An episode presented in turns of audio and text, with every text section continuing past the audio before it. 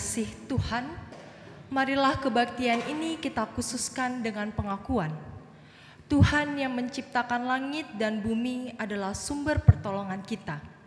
Kasih karunia dan damai sejahtera dari Allah Bapa kita dan Tuhan Yesus Kristus ada pada saudara sekalian.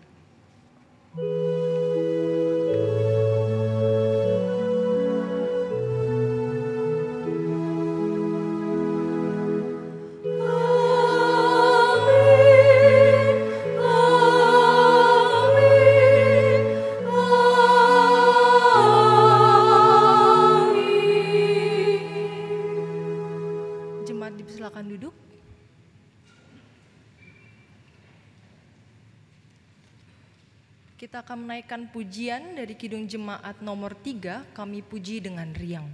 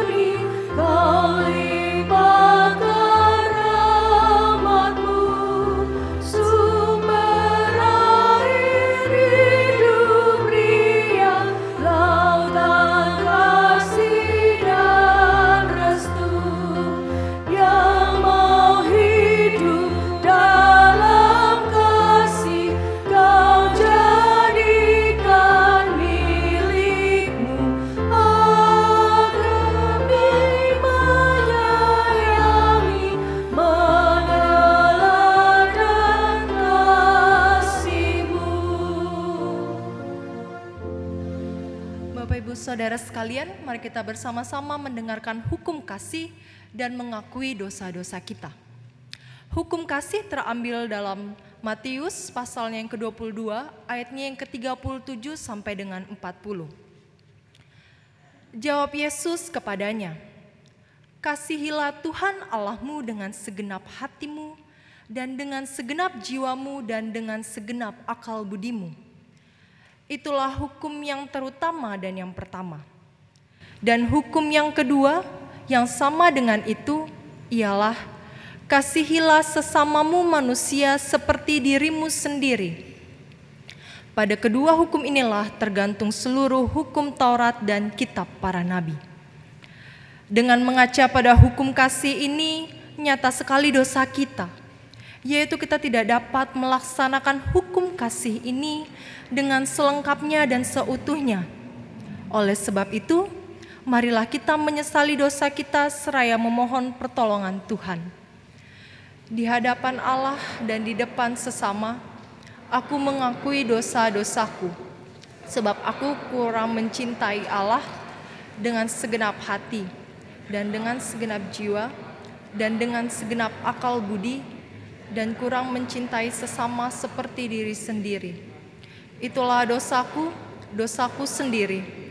Tuhan kiranya mengampuni dosaku dan mengaruniakan kuasa Roh Kudus kepadaku supaya aku dapat melakukan kehendak Tuhan.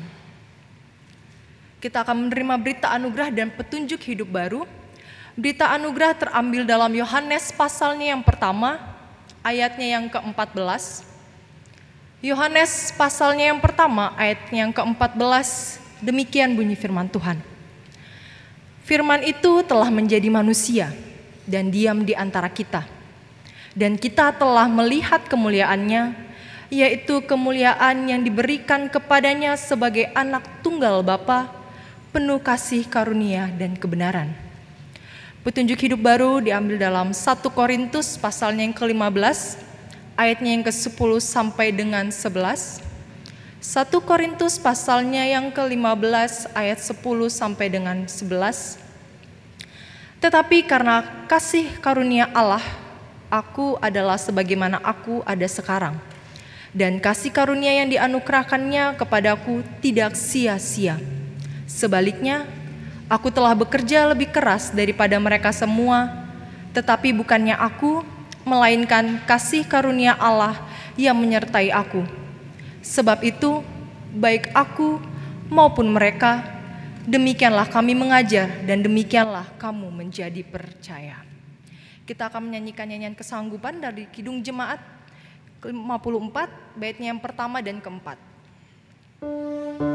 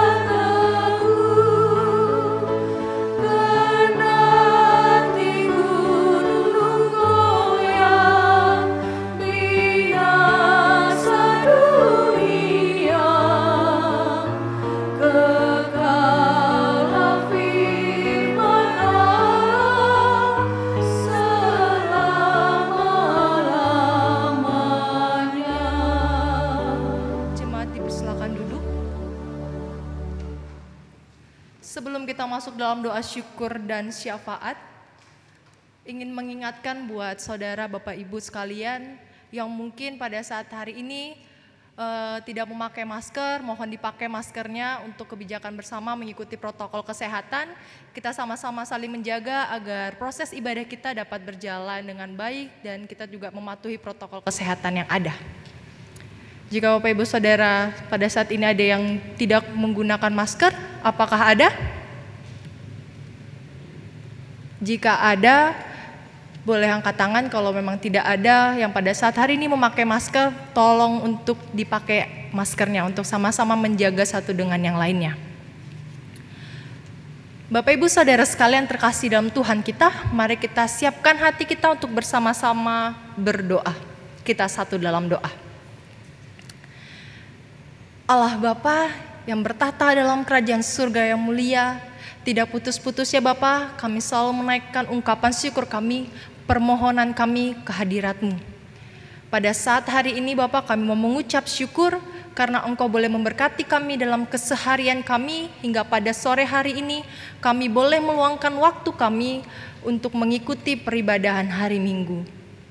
Tuhan, kiranya Engkau boleh memberkati proses ibadah kami ini dari awal, pertengahan, hingga akhirnya dengan tidak kekurangan sesuatu apa pun. Begitu juga dengan hambamu yang akan menyampaikan isi kebenaran tentang firmanmu. Kiranya yang berkenan itu semua hanya daripadamu. Pakailah hambamu ini seturut dengan kehendakmu. Sebab kami semua anak-anakmu yang hadir pada saat hari ini bersama-sama ingin mendengarkan firman-Mu dan dapat melakukannya dalam kehidupan kami hari lepas hari. Bapa, pada saat hari ini juga kami ingin berdoa buat gerejamu, di mana pun gereja-gereja berada di dunia ini, Kiranya Engkau selalu memberkati setiap gereja yang ada, Engkau yang selalu melingkupi mereka Tuhan dalam segala pelayanannya, dan tidak lupa juga kami berdoa untuk gereja Kristen Jawa Mergangsan di tempat ini, Engkau memberkati baik dari para jemaatnya, Pak Pendeta, para majelis Tuhan, Engkau selalu melingkupi mereka, Engkau selalu hadir di tengah-tengah mereka dan memberkati setiap pelayanan mereka agar apa yang mereka lakukan itu semua hanya boleh seturut dengan kehendakmu. Dan juga kami mau berdoa Tuhan buat setiap komisi yang ada di gereja ini, kiranya juga Engkau hadir di dalamnya, agar setiap program kerja yang boleh mereka susun, itu semua juga Tuhan dapat untuk memuji dan memuliakan namamu dan seturut juga dengan kehendakmu. Dan kami juga mau berdoa Bapak buat program kerja yang ada yang saat ini telah dibuat kiranya program kerja itu dapat berjalan dengan baik dan juga Tuhan Engkau selalu hadir di dalam di tengah-tengahnya agar segala sesuatu yang telah direncanakan dapat berjalan dengan lancar tanpa kekurangan sesuatu apa pun. Dan kiranya program kerja yang boleh terlaksanakan dengan baik, kami meyakini bahwa itu semua berkat daripadamu, bukan dari kekuatan kami, tapi engkau yang bekerja di dalamnya. Dan kami juga mau berdoa setiap warga jemaat yang sedang sakit, baik yang ada di rumah ataupun di rumah sakit, kiranya makanan dan minuman beserta dengan obat-obatan yang mereka konsumsi, Bapak, itu semua dapat mem, dapat menjadi pemulihan buat mereka dan juga Tuhan Engkau selalu memampukan mereka, menguatkan mereka agar tetap mau mengucap syukur kepadamu atas apa yang telah mereka rasakan, tetapi mereka juga tidak merasa kehilangan arah bahwa Tuhan tidak pernah meninggalkan mereka. Dan juga kami berdoa buat bangsa dan negara kami, kiranya Engkau boleh memberkati bangsa dan negara kami, baik dari Bapak Presiden, Wakil Presiden, hingga para pemerintah yang ada di pelosok-pelosok daerah Bapak, kiranya Engkau memberkati mereka dalam roda pemerintahan mereka, Engkau hadir tengah-tengahnya memberikan hikmat, kebijaksanaan agar mereka dapat mengelola bangsa dan negara kami ini menjadi bangsa dan negara yang baik. Dan kami dapat hidup berdampingan dengan penuh sukacita dan dapat menghadirkan damai sejahtera. Tuhan, inilah doa ungkapan syukur kami, permohonan kami yang hanya kami alaskan ke dalam tanganmu saja putramu Yesus Kristus Juru Selamat kami yang hidup. Amin.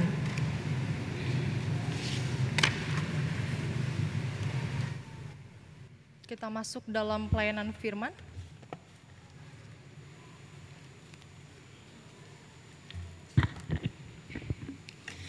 Jemaat yang dikasih oleh Tuhan, marilah kita bersama-sama untuk menyiapkan hati dan pikiran kita untuk menerima sabda Tuhan.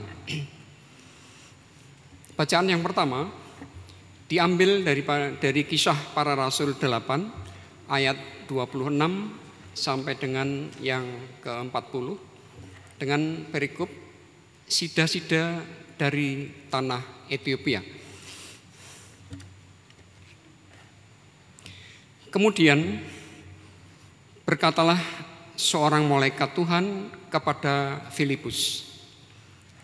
Katanya, "Bangunlah dan berangkatlah ke sebelah selatan menurut jalan yang turun dari Yerusalem ke Gaza. Jalan itu jalan yang sunyi." Lalu berangkatlah Filipus, adalah seorang Ethiopia, seorang sida-sida, pembesar dan kepala perbendaraan Sri Kandake, ratu negeri Ethiopia, yang pergi ke Yerusalem untuk beribadah. Sekarang orang itu sedang dalam perjalanan pulang dan duduk dalam keretanya sambil membaca kitab Nabi Yesaya. Lalu kata roh kepada Filipus, pergilah ke situ dan dekatilah kereta itu. Filipus segera ke situ dan mendengar sida-sida itu sedang membaca kitab Nabi Yesaya kata Filipus, "Menger- mengertikah Tuan apa yang Tuan baca itu? Jawabnya, bagaimanakah aku dapat mengerti kalau tidak ada yang membimbing aku? Lalu ia meminta Filipus naik dan duduk di sampingnya. Nas yang dibacanya itu berbunyi seperti berikut. Seperti seekor domba, ia dibawa ke pembantaian. Dan seperti anak domba yang keluh di depan orang yang menggunting bulunya, demikianlah ia tidak membuka mulutnya. Dalam kehinaannya berlangsunglah hukumannya. Siapakah yang akan menceritakan asal usulnya? Sebab nyawanya diambil dari bumi. Maka kata sida-sida itu kepada Filipus, Aku bertanya kepadamu, tentang siapakah Nabi berkata demikian? Tentang dirinya sendiri atau tentang orang lain? Maka mulailah Filipus berbicara dan bertolak dari nas itu, ia memberitakan Injil Yesus kepadanya. Mereka melanjutkan perjalanan mereka dan tiba di suatu tempat yang ada di air. Lalu kata sida-sida itu, lihat, di situ ada air. Apakah halangannya jika aku dibaptis? Sahut Filipus, jika Tuhan percaya dengan segenap hati, boleh. Jawabnya, aku percaya bahwa Yesus Kristus adalah anak Allah. Lalu orang Ethiopia itu menyuruh menghentikan kereta itu dan keduanya turun ke dalam air, baik Filipus maupun sida-sida itu, dan Filipus membaptis dia. Dan setelah mereka keluar dari air, roh Tuhan tiba-tiba melarikan Filipus dan sida-sida itu tidak melihatnya lagi. Ia meneruskan perjalanannya dengan sukacita. Tetapi ternyata Filipus ada di Asdod. Ia berjalan melalui daerah itu dan memberitakan Injil di semua kota sampai ia tiba di Kaisaria. Demikianlah sabda Tuhan. Syukur kepada Tuhan. Kita akan membaca bacaan Injil yang terambil dalam Injil Yohanes pasalnya yang ke-15, ayatnya yang pertama sampai dengan 8. Injil Yohanes pasalnya yang ke-15, ayat 1 sampai dengan 8 yang berbunyi, Pokok anggur yang benar. Akulah pokok anggur yang benar dan Bapakulah pengusahanya. Setiap ranting padaku yang tidak berbuah dipotongnya dan setiap ranting yang berbuah dibersihkannya supaya ia lebih banyak berbuah. Kamu memang sudah bersih karena firman yang telah kukatakan kepadamu. Tinggallah di dalam aku dan aku di dalam kamu. Sama seperti ranting tidak dapat berbuah dari dirinya sendiri kalau ia tidak tinggal pada pokok anggur. Demikian juga kamu tidak berbuah jikalau kamu tidak tinggal di dalam aku. Akulah pokok anggur dan kamulah ranting-rantingnya. Barang siapa tinggal di dalam aku dan aku di dalam dia, ia berbuah banyak. Sebab di luar aku kamu tidak dapat berbuat apa-apa. Barang siapa tidak tinggal di dalam aku, ia dibuang keluar seperti ranting dan menjadi kering. Kemudian dikumpulkan orang dan kumpulkan orang dan dicampakkan ke dalam api lalu dibakar. Jikalau kamu tinggal di dalam aku dan firmanku tinggal di dalam kamu, mintalah apa saja yang kamu kehendaki dan kamu akan menerimanya. Dalam hal inilah Bapakku dipermuliakan, yaitu jika kamu berbuah banyak, dan dengan demikian kamu adalah murid-muridku. Yang berbahagia adalah mereka yang mendengarkan firman Tuhan, menghayati dan melakukan dalam hidupnya. Haleluya. Haleluya,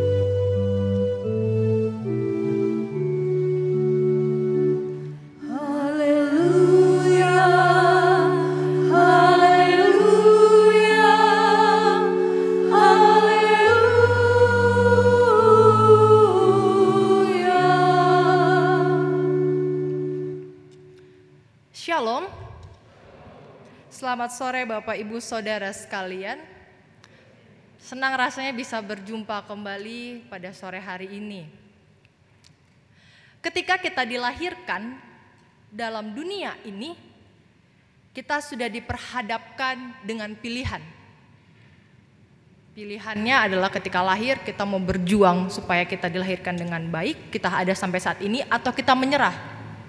Begitu juga dengan orang tua yang melahirkan kita.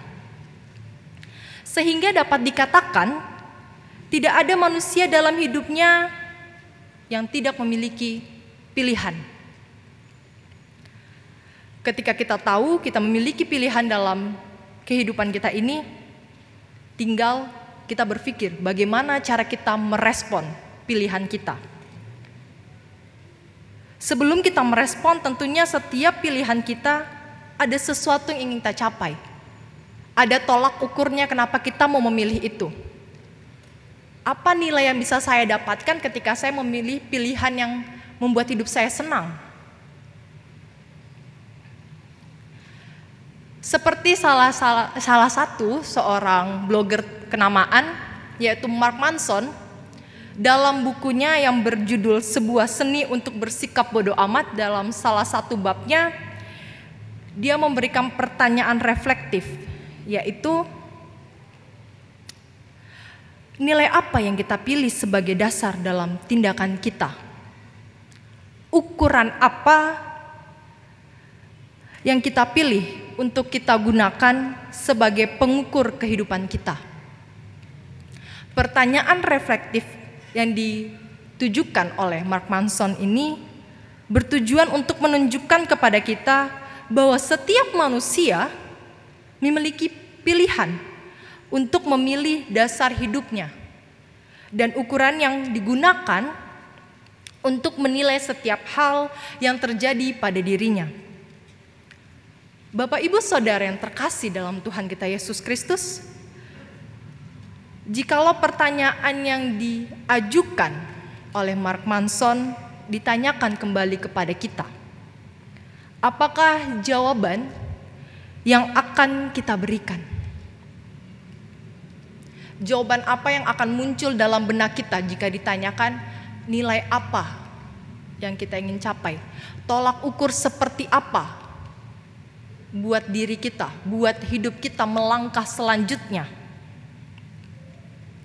Bacaan Alkitab kita dari Injil Yohanes pasalnya yang ke-15 ayat 1 sampai 8 mau menunjukkan kepada kita bahwa Yesus memberi ruang kepada kita dan juga kepada para murid. Kalau kita lihat dalam konteksnya pada saat hari ini para murid diberikan ruang untuk memilih dasar hidup mereka. Hidup yang tepat dan ukuran yang digunakan dalam menjalani kehidupan. Hal ini ditujukan oleh Yesus untuk menegur orang-orang Israel yang merasa superior dari orang-orang Yahudi lainnya dan menjalani hidup dengan ukuran yang seenaknya. Kita tahu bersama bahwa orang Israel merupakan umat pilihan Allah. Wajar saja jika Yesus menggunakan perumpamaan ini untuk menegur orang-orang Israel. Karena merasa mereka adalah orang pilihan Tuhan, mereka boleh merasa, ya saya lebih daripada orang-orang Yahudi. Kita tahu orang-orang Yahudi adalah orang-orang yang patuh sekali dengan hukum Taurat. Tapi orang-orang Israel jauh melebihi mereka, seolah-olah mereka superior, mereka tahu segalanya dibandingkan orang-orang Yahudi. Sehingga mereka melakukan kehidupan mereka dengan seenak mereka, tanpa memikirkan satu dengan yang lainnya, tanpa memikir relasi mereka dengan Tuhan. Terlihat bahwa Yesus menggunakan alegori atau perumpamaan dalam perjanjian lama yang tak asing bagi para murid, yaitu mengenai kebun anggur Tuhan. Tanaman anggur menjadi model yang perlu diperhatikan pertumbuhannya dengan saksama. Sebagaimana ranting tidak dapat hidup terpisah dari pokoknya, maka demikian juga dengan para murid yang tidak bisa hidup kalau mereka terpisah dari Yesus. Di mana ada Yesus, di situ ada para murid. Mereka membutuhkan terus ke mana pun Yesus mengajar, Yesus memberitakan tentang keselamatan Allah. Pasti para murid selalu akan ada di mana pun Yesus berada. Kesatuannya dengan para murid tidak hanya disebutkan mesti terbangun di antara dia dan para murid-muridnya. Oh, ternyata meskipun para murid selalu ada di tengah-tengah Yesus dan Yesus selalu ada di tengah mereka, selalu beriringan ke mana pun, itu tidak mesti terbangun di antara Yesus dan para murid-muridnya saja melainkan kesatuan Yesus dan para murid ada di dalam kesatuan antara Yesus dengan Bapa. Para murid tidak pernah hidup tanpa Yesus, sebagaimana Yesus tidak pernah hidup tanpa Bapa. Bapa adalah pengusaha pokok anggur itu. Dengan demikian, kesatuan pokok anggur dan ranting-ranting itu memperlihatkan kesatuan antara Allah dan para murid. Kesatuan para murid dengan Allah terbangun di dalam Yesus. Hal ini memperlihatkan bahwa tinggal pada pokok anggur yang benar dan berbuah banyak menjadi sebuah undangan bagi setiap orang. Ranting-ranting diberikan kesempatan berbuah. Dan jikalau tidak ada berbuah atau tidak mau hidup dalam pokok anggur tersebut, maka akan menerima konsekuensinya. Namun jika kita melihat pemikiran penulis Yohanes sebenarnya terkait dengan arti tidak ada berbuah dan berbuah di sini tidak ada hal yang otomatis dalam sebuah beriman sebenarnya. Orang tidak cukup tinggal di dalam Yesus tetapi terus-menerus tinggal. Tidak cukup tinggal duduk manis, keluar. Tetapi mau terus-menerus, terus-menerus ya berarti tetap tidak mau beranjak. Tetap tinggal di dalam Yesus. Tidak cukup satu kali menerima firman, karena orang harus membiarkan firman itu tetap tinggal di dalam dirinya. Begitupun juga untuk orang-orang yang sudah percaya. Mereka tidak perlu hanya tinggal juga, tinggal juga, mohon maaf, tidak perlu hanya tinggal juga, tetapi mau melakukannya. Jangan karena saya sudah percaya seperti orang Israel mungkin, karena mereka sudah yakin bahwa ya saya umat yang dipilih Tuhan, maka saya berhak melakukan apa pun yang saya mau. Dan begitu pula dengan kita karena kita meyakini saya sudah percaya dengan Yesus. Saya sudah mendengarkan firman-Nya, maka saya boleh melakukan apa pun yang saya mau. Toh juga pada hari Minggu akan ada pengakuan dosa. Oleh karena itu ada ranting yang akan mengering dan tidak berbuah karena tidak mau tetap tinggal di dalam Yesus sehingga akan dipotong dan hal ini berbeda dengan mereka yang senantiasa tinggal di dalam Yesus. Yang selalu menyimpan firman-Nya di dalam hatinya dan mau melakukannya. Firman tidak cukup hanya tinggal dalam hati kita masing-masing. Firman tidak cukup hanya kita dengarkan saja. Firman tidak cukup hanya dengan kita pahami saja. Kalau hanya tinggal dalam hati, cukup didengar, cukup dipahami. Tapi kita tidak mau berbuat apa pun keluar, maka sebenarnya kita adalah ranting-ranting yang akan kering. Kita adalah ranting-ranting yang kita udah bertumbuh nih, kita sudah ada di pokok pokok anggurnya sudah jelas. Kita sudah dialiri kehidupan, tapi karena kita merasa kami sudah cukup untuk mendengar. Udah kami tanamkan dalam hati, tapi tidak mau untuk melakukannya atau bisa dibilang berbuah lebih banyak lagi, maka sia-sia sebenarnya apa yang telah kita lakukan, yang telah kita upayakan. Tinggal selangkah. Apa yang mau kita lakukan? Ranting-ranting tadi diberikan sebuah kesempatan, diberikan ruang untuk terus berkembang, terus berbuah. Yesus tidak ditampilkan sebagai yang memotong. Jika kita perhatikan di sini Yesus bukan di, sebagai pemotong untuk ranting-ranting tersebut, tetapi ia sebagai yang mengalirkan kehidupan pada setiap ranting. Aliran hidup dari pokok anggur inilah yang akan diperkembangkan lebih lanjut oleh Yesus. Ingat bahwa Yesus bukanlah yang memotong, di awal jelaskan bahwa Bapakulah pengusahanya, maka Bapakulah yang berhak untuk memotong. Yesus yang mengembangkannya lebih lanjut. Sebab Bapalah yang berperan sebagai pengusaha, maka Yesus adalah pokok anggur yang benar. Karena ia merupakan pokok anggur yang diusahakan oleh Bapa. Jika kita lihat pada ayatnya yang ke-6 terlebih dahulu, Yesus menjelaskan gambaran hidup seseorang yang tidak tinggal di dalamnya dan konsekuensinya.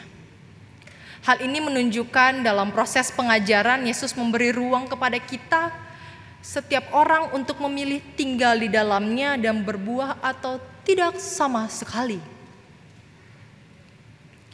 Kata tinggal dalam bahasa Yunani yang disebut meno muncul sebanyak tujuh kali dalam teks pembacaan kita. Perintah untuk tinggal di dalam Yesus ini bukan hanya perintah untuk tetap tinggal, melainkan membuat sebuah keputusan baru tentang pilihan mereka mengikuti Yesus. Bagian ini menjelaskan bahwa meskipun diberi pilihan, Yesus berharap agar para muridnya tinggal di dalam kasihnya dan dapat berbuah lebat. Tinggal di dalam Yesus seperti sebuah ranting yang memperoleh kehidupan dari pokok anggur tersebut dan memerlukan pendampingan agar dapat terus berbuah. Ketika seseorang mendasarkan hidup pada Yesus, orang tersebut perlu melekat dan berelasi padanya. Ukuran yang digunakan dalam menjalani kehidupan pun harus sesuai dengan teladan yang Yesus berikan agar dapat menghasilkan buah. Bapak Ibu Saudara yang dikasihi Tuhan, merefleksikan kembali dasar hidup dan ukuran yang kita gunakan dalam menjalani kehidupan memiliki tujuan agar kita tidak terlena dalam iman kita sendiri dan merasa diri lebih baik daripada orang lain. Yesus mengundang setiap orang percaya untuk tidak hanya sebatas tetap tinggal saja, tetapi juga menghasilkan buah Bagaimana kita mewujudkan gambaran kehidupan orang yang tinggal dalam Kristus? Cara kita mewujudkan gambaran kehidupan orang yang tinggal di dalam Kristus yaitu dengan melakukan kasih. Ya, kasih memang tidaklah mudah. Tapi kasih perlu kita lakukan karena hal itu merupakan ciri khas dari kita Allah yang maha pengasih telah dinyatakan melalui kasihnya dengan menciptakan segala sesuatu dengan kasih. Menyelamatkan dan mengadili dengan kasih. Hingga begitu besar kasihnya kepada kita, Allah mengaruniakan anaknya yang menjadi juru selamat dunia. Dan kita diundang untuk hidup dalam kasih itu. Mengasihi bukan sekedar yang terlihat saja, bukan sekedar tindakan yang terlihat, tetapi tindakan-tindakan pada sesama yang didasarkan pada kedalaman hubungan pribadi dengan Allah. Relasi kita dengan Allah bagaimana? Selama ini kita selalu pusing dan berpikir bagaimana cara melakukan kasih. Oh, kita harus melakukan kebaikan kepada orang lain. Tapi, apakah kita sudah melihat relasi kita, hubungan kita dengan Allah?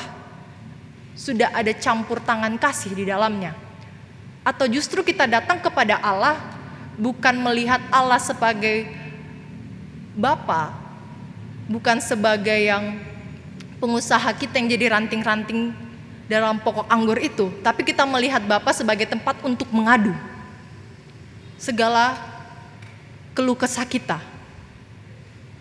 Kita perlu melihat apakah sudah relasi kita berjalan baik.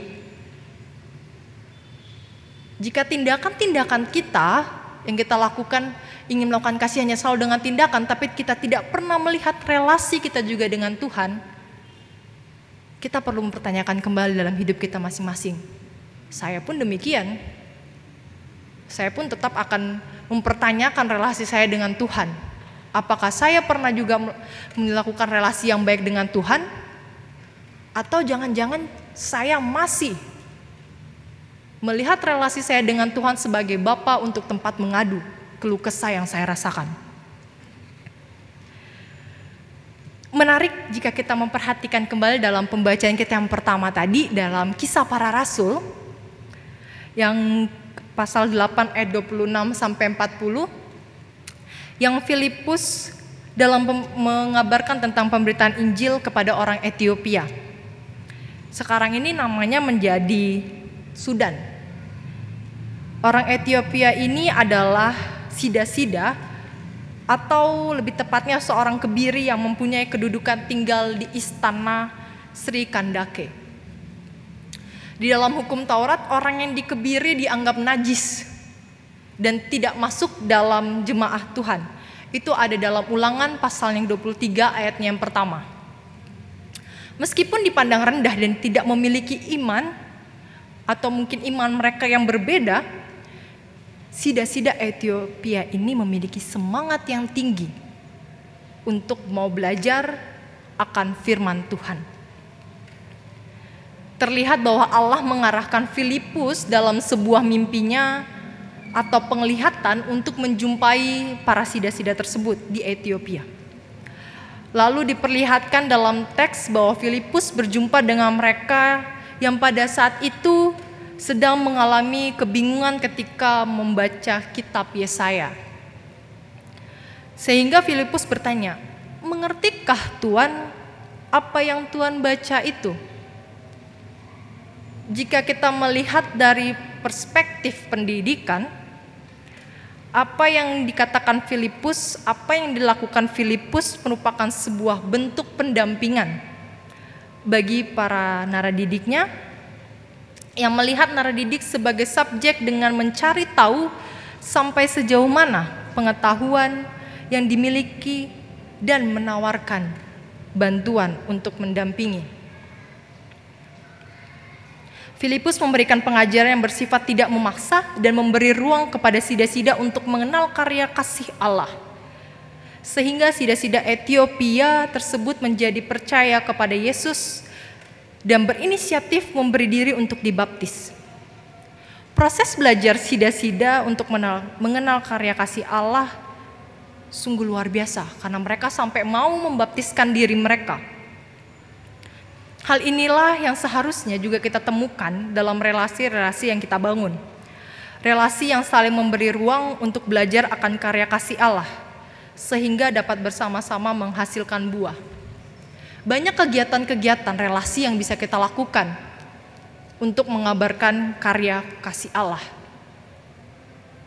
Bukan dengan cara kita mengagung-agungkan Tuhan di depan orang, atau kita membela Tuhan depan Tuhan, eh, mohon maaf, membela Tuhan di depan orang lain yang tidak percaya pada Yesus.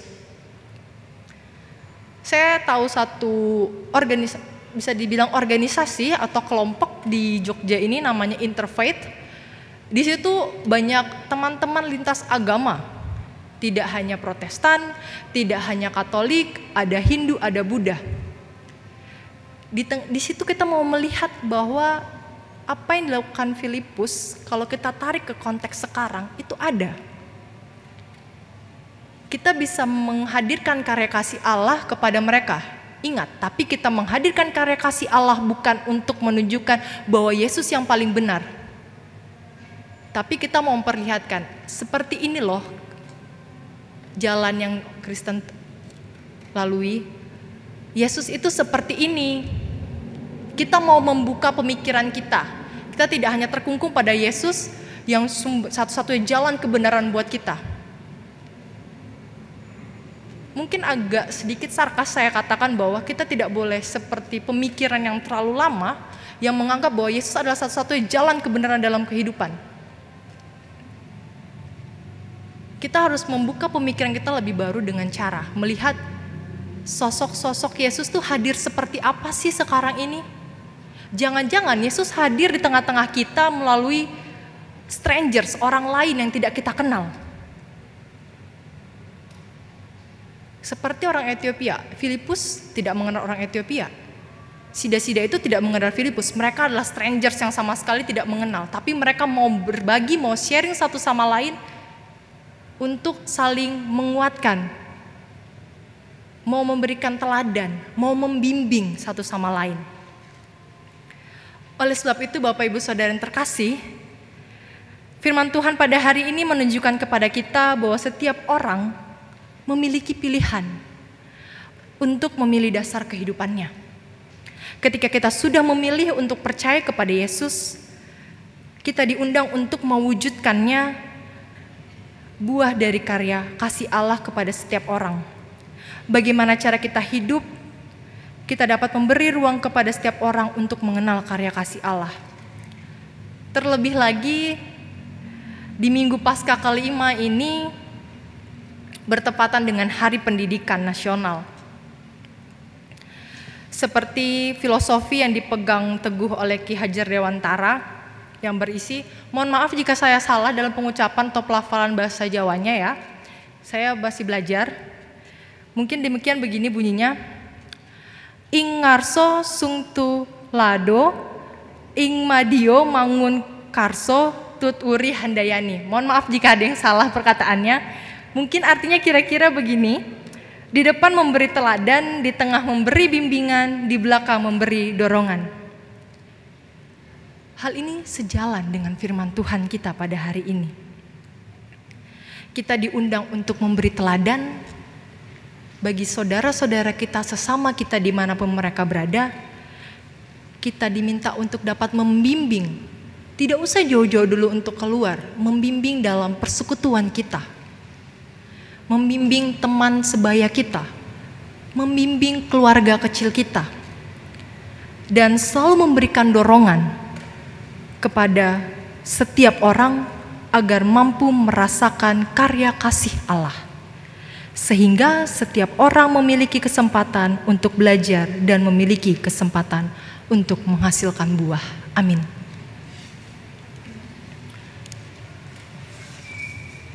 Satu teduh untuk kita.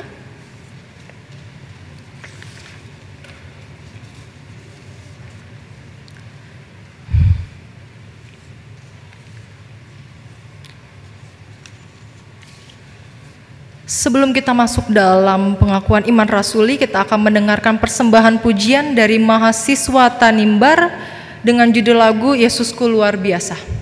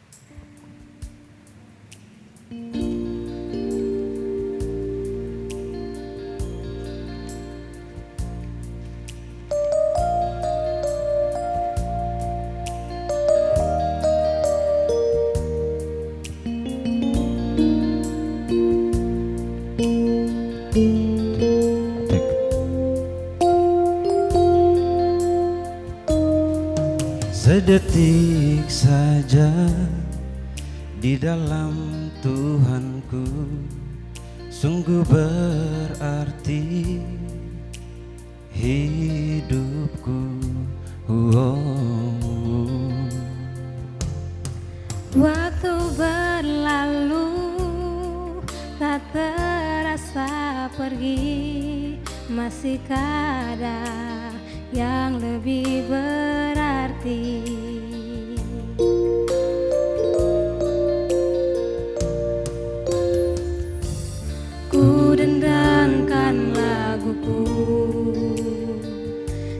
tanah gersang kering membisu.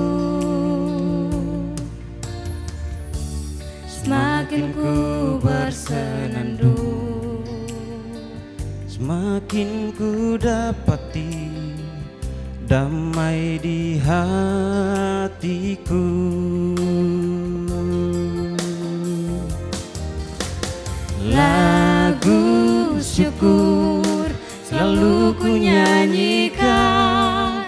bagi Yesusku Oh sahabatku Yang selalu mengasihi daku kasihnya sungguh luar biasa.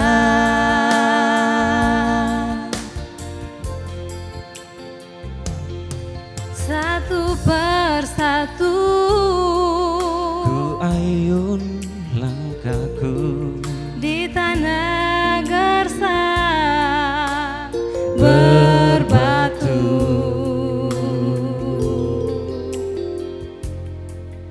Tanpa terasa langkah semakin jauh bersama Yesus. Tentram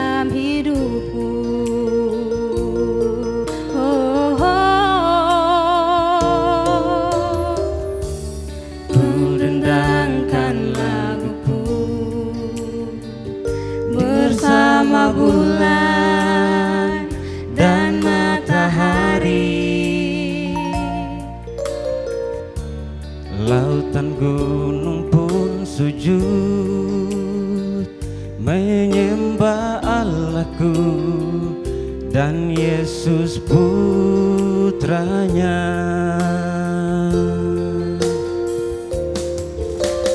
Lagu syukur selalu ku nyanyikan Bagi Yesusku.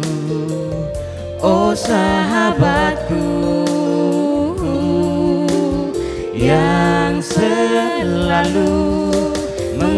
mengasihi daku Kasihnya sungguh luar biasa.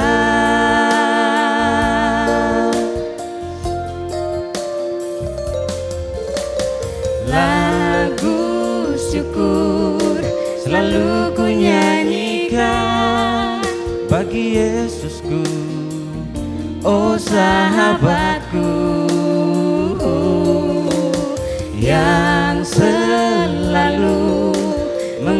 mengasihi daku Kasihnya sungguh luar biasa. Kasihnya sungguh luar biasa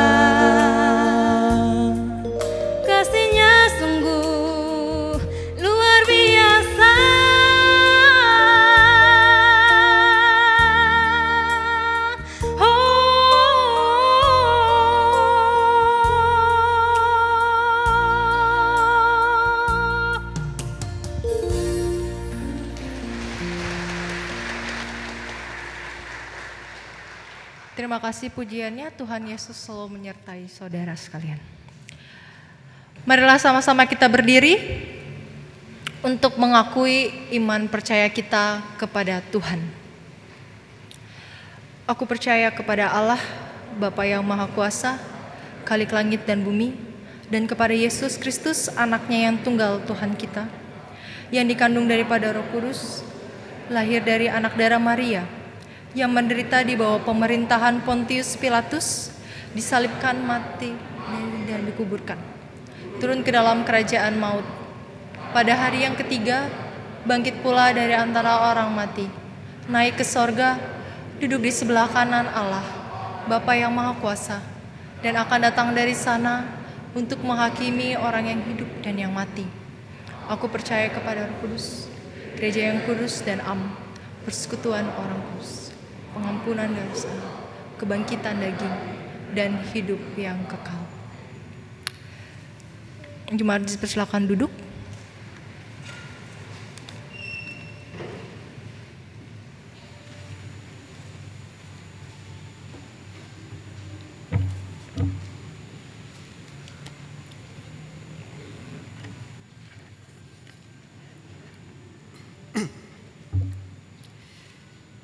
Jemaat yang terkasih di dalam Tuhan Yesus, kiranya persembahan yang kita berikan di awal ibadah tadi atau yang akan kita berikan setelah ibadah selesai adalah ungkapan rasa syukur kita dan merupakan tanggapan kita terhadap firman Tuhan yang kita ambil dari Roma 12 ayat 1. Karena itu, saudara-saudara, demi kemurahan Allah, aku menasihatkan kamu supaya kamu mempersembahkan tubuhmu sebagai persembahan yang hidup, yang kudus, dan yang berkenan kepada Allah. Itu adalah ibadahmu yang sejati. Tempat persembahan disediakan di depan pintu masuk. Untuk mengiringi jalannya persembahan, kita menyanyikan pujian yang kita ambil dari Kidung Jemaat 367 ayat 1 dan 3. Padamu Tuhan dan Allahku.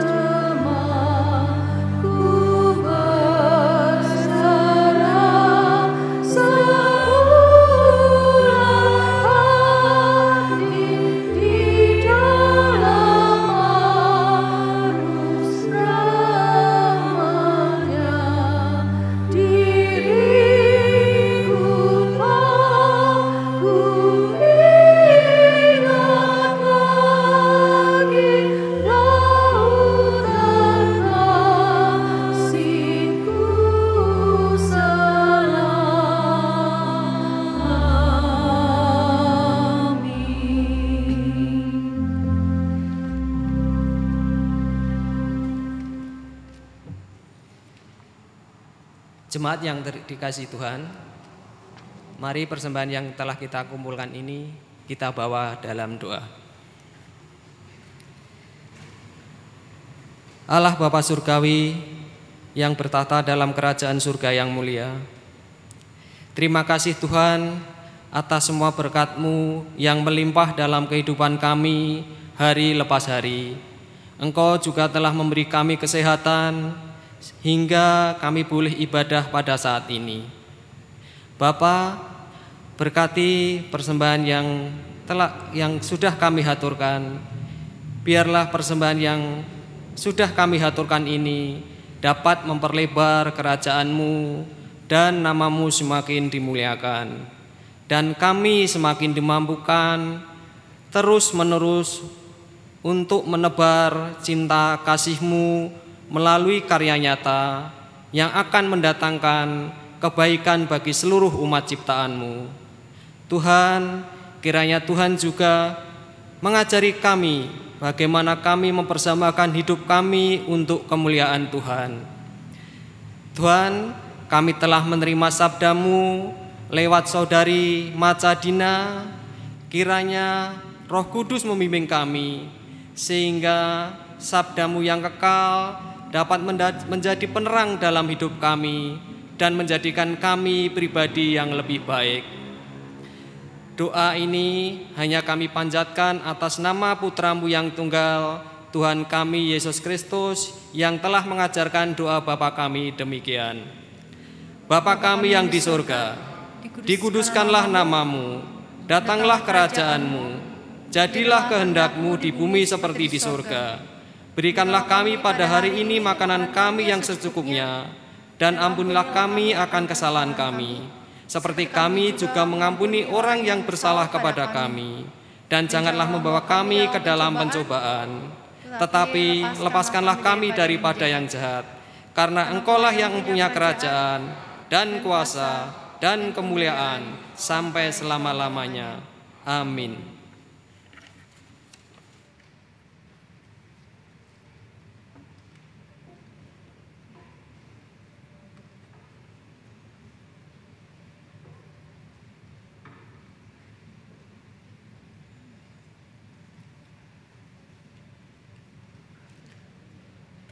Bapak Ibu Saudara yang terkasih dalam Tuhan kita Yesus Kristus, pulanglah dan tanamkanlah firman Tuhan dalam hati kita dan lakukanlah itu dalam kehidupan kita hari lepas hari. Saya undang jemaat untuk berdiri. Kita menyanyikan Kidung Jemaat 356 baitnya yang pertama dan kedua. Dalam